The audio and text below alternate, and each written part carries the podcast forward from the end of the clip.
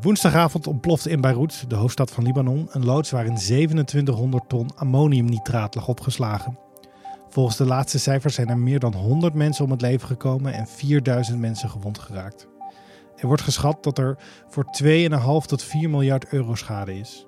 De situatie in Beirut is zorgelijk. Ziekenhuizen zitten overvol. Artsen hebben duidelijk gemaakt dat er veel te weinig medische apparatuur is voor operaties. En de autoriteiten worstelen om alle personen die opgevangen moeten worden van eten te voorzien. Mijn neef die is een uh, chirurg en die werkt in dat ziekenhuis. En uh, via hem heb ik meegekregen dat het ziekenhuis gewoon helemaal op de grond is. En dat ze gewoon buiten aan het uh, hechten zijn. zelfs aan het opereren zijn. Alles. Zometeen spreek ik met Aola Sevedine die in Libanon woont. Niet in Beirut, maar in een dorpje op 20 minuten rijden daarbuiten. Bij haar thuis was de klap duidelijk te horen en te voelen. Ze vertelt ons hoe het nu in Libanon is. Ik zal me nog even voorstellen. Mijn naam is Frank Brinkhuis. Je hebt het niet zo vaak gehoord in deze podcast. Maar omdat Julian even met vakantie is, neem ik de honneurs waar. Maar eerst kort het nieuws van nu. Het is vandaag woensdag 5 augustus en dit is de Dit wordt het nieuws middagpodcast.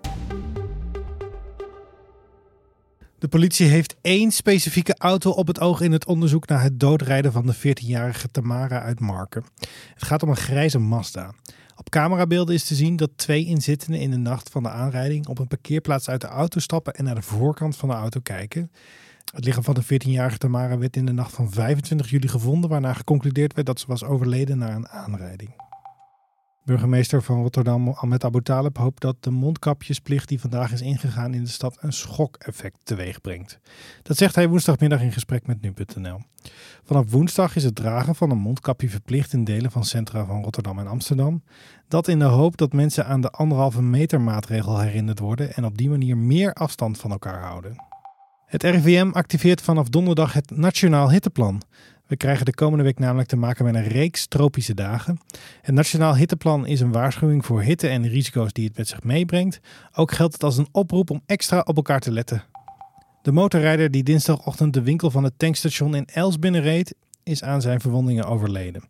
Het strafrechtelijke onderzoek is hiermee afgerond, zo bevestigt de politie aan nu.nl na berichtgeving van de Gelderlander. Even voordat de man de winkel binnenreed, kwam er ook nog een brandmelding uit zijn woning in Husse. De politie onderzoekt nog wel wat de achtergronden zijn van die brand en het binnenrijden van het tankstation.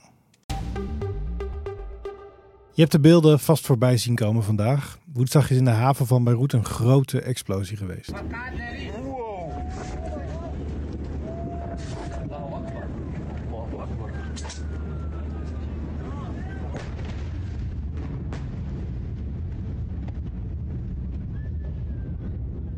In de loods die explodeerde lag er 2700 ton ammoniumnitraat opgeslagen.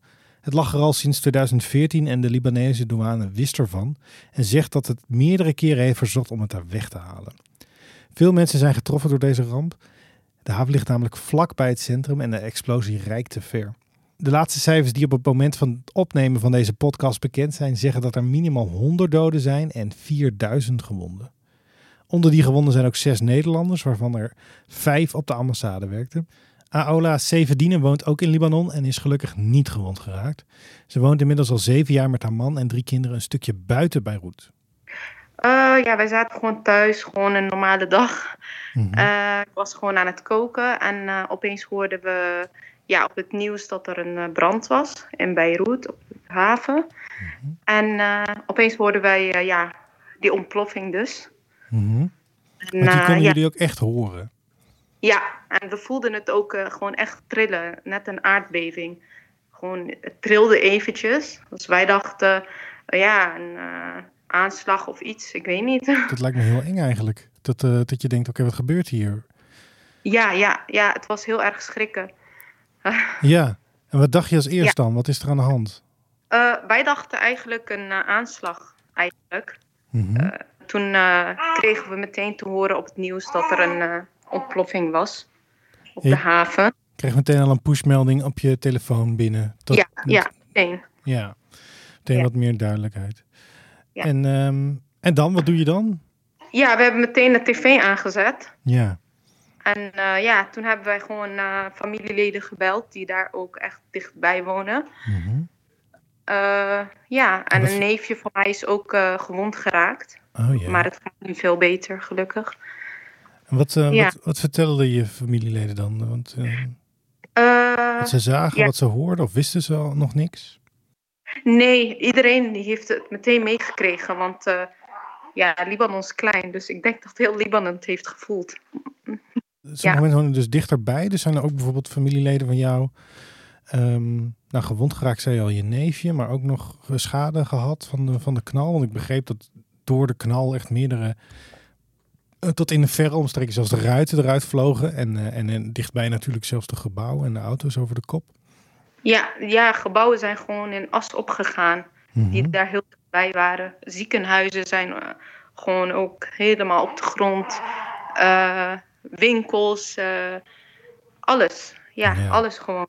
Ja, Ja, en gewoon een ramp eigenlijk. ja, dat, ja. ja, we zien de beelden ook telkens verschijnen. Ja. De explosie is natuurlijk heel heftig, maar de beelden die daarna zijn, zijn nog natuurlijk veel heftiger als je ziet wat er nou, nou is. Ja, mijn neef die is een eh, chirurg en die werkt in dat ziekenhuis. En eh, via hem heb ik meegekregen dat het ziekenhuis gewoon helemaal op de grond is.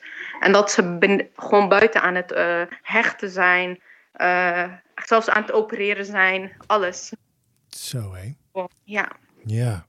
En Dus ze de- hebben ook alle chirurgen en artsen opgeroepen van het hele land om te komen helpen. Eh, alle ambulances zijn daar naartoe gegaan van het hele Van het land. hele land, ja. Ja, ja, van het hele land. Wat is nu het huidige advies van de overheid? Wat, wat moeten jullie doen? Eh, ja, wij moeten gewoon thuis blijven, zeggen ze. En eh, ja, ze zeggen die, de mensen die bloed kunnen doneren, als dat ook kan. En verder gewoon echt gewoon thuis blijven. En als je echt naar buiten moet om eh, ja, te kijken hoe het met familieleden gaat, dan eh, ja, mondkapjes, handschoenen aan, bedekte kleding, zodat er niks op de huid kan komen. Ja, dat eigenlijk. Ja, dus ze zijn nog Ja. wel bang voor luchtvervuiling momenteel. De Ja. Dat, dat advies Ja. om stre- te streng advies om binnen te blijven. Ja, want ze zeggen dat er nog ook, eh, eh, ja, dat er ook eh, rook, rook is nog steeds aan het komen van eh ploffing. Ja, precies. Maar een heftig advies natuurlijk, aangezien er natuurlijk ook nog heel veel mensen vermist zijn en dat mensen willen zoeken. En Ja, er zijn heel veel mensen vermist. die zitten nog onder het puin. Ja, Ja. daar. Ja. ja, helemaal goed. Verbies, hoe, hoe staat dit advies in verband met het COVID-19-advies? Want ik neem aan dat dat ook gewoon binnen blijven was. Eh, daar hebben ze eigenlijk nog niks over gezegd. Maar ik heb wel gehoord dat in het ziekenhuis gewoon mensen zonder rondkapjes rondlopen. Eh, verpleegkundigen ook zonder eh, mondkapjes.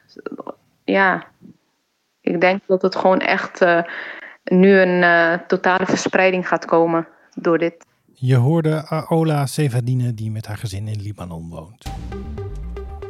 Morgen wordt het bijna overal tropisch warm. Het is net als vandaag vrij zonnig en droog en er staat weinig wind. In de middag zal je thermometer 28 graden op de Wadden tot 34 graden in het zuiden van het land aangeven. Dit was hem dan, de Dit wordt het nieuws middag podcast van vandaag.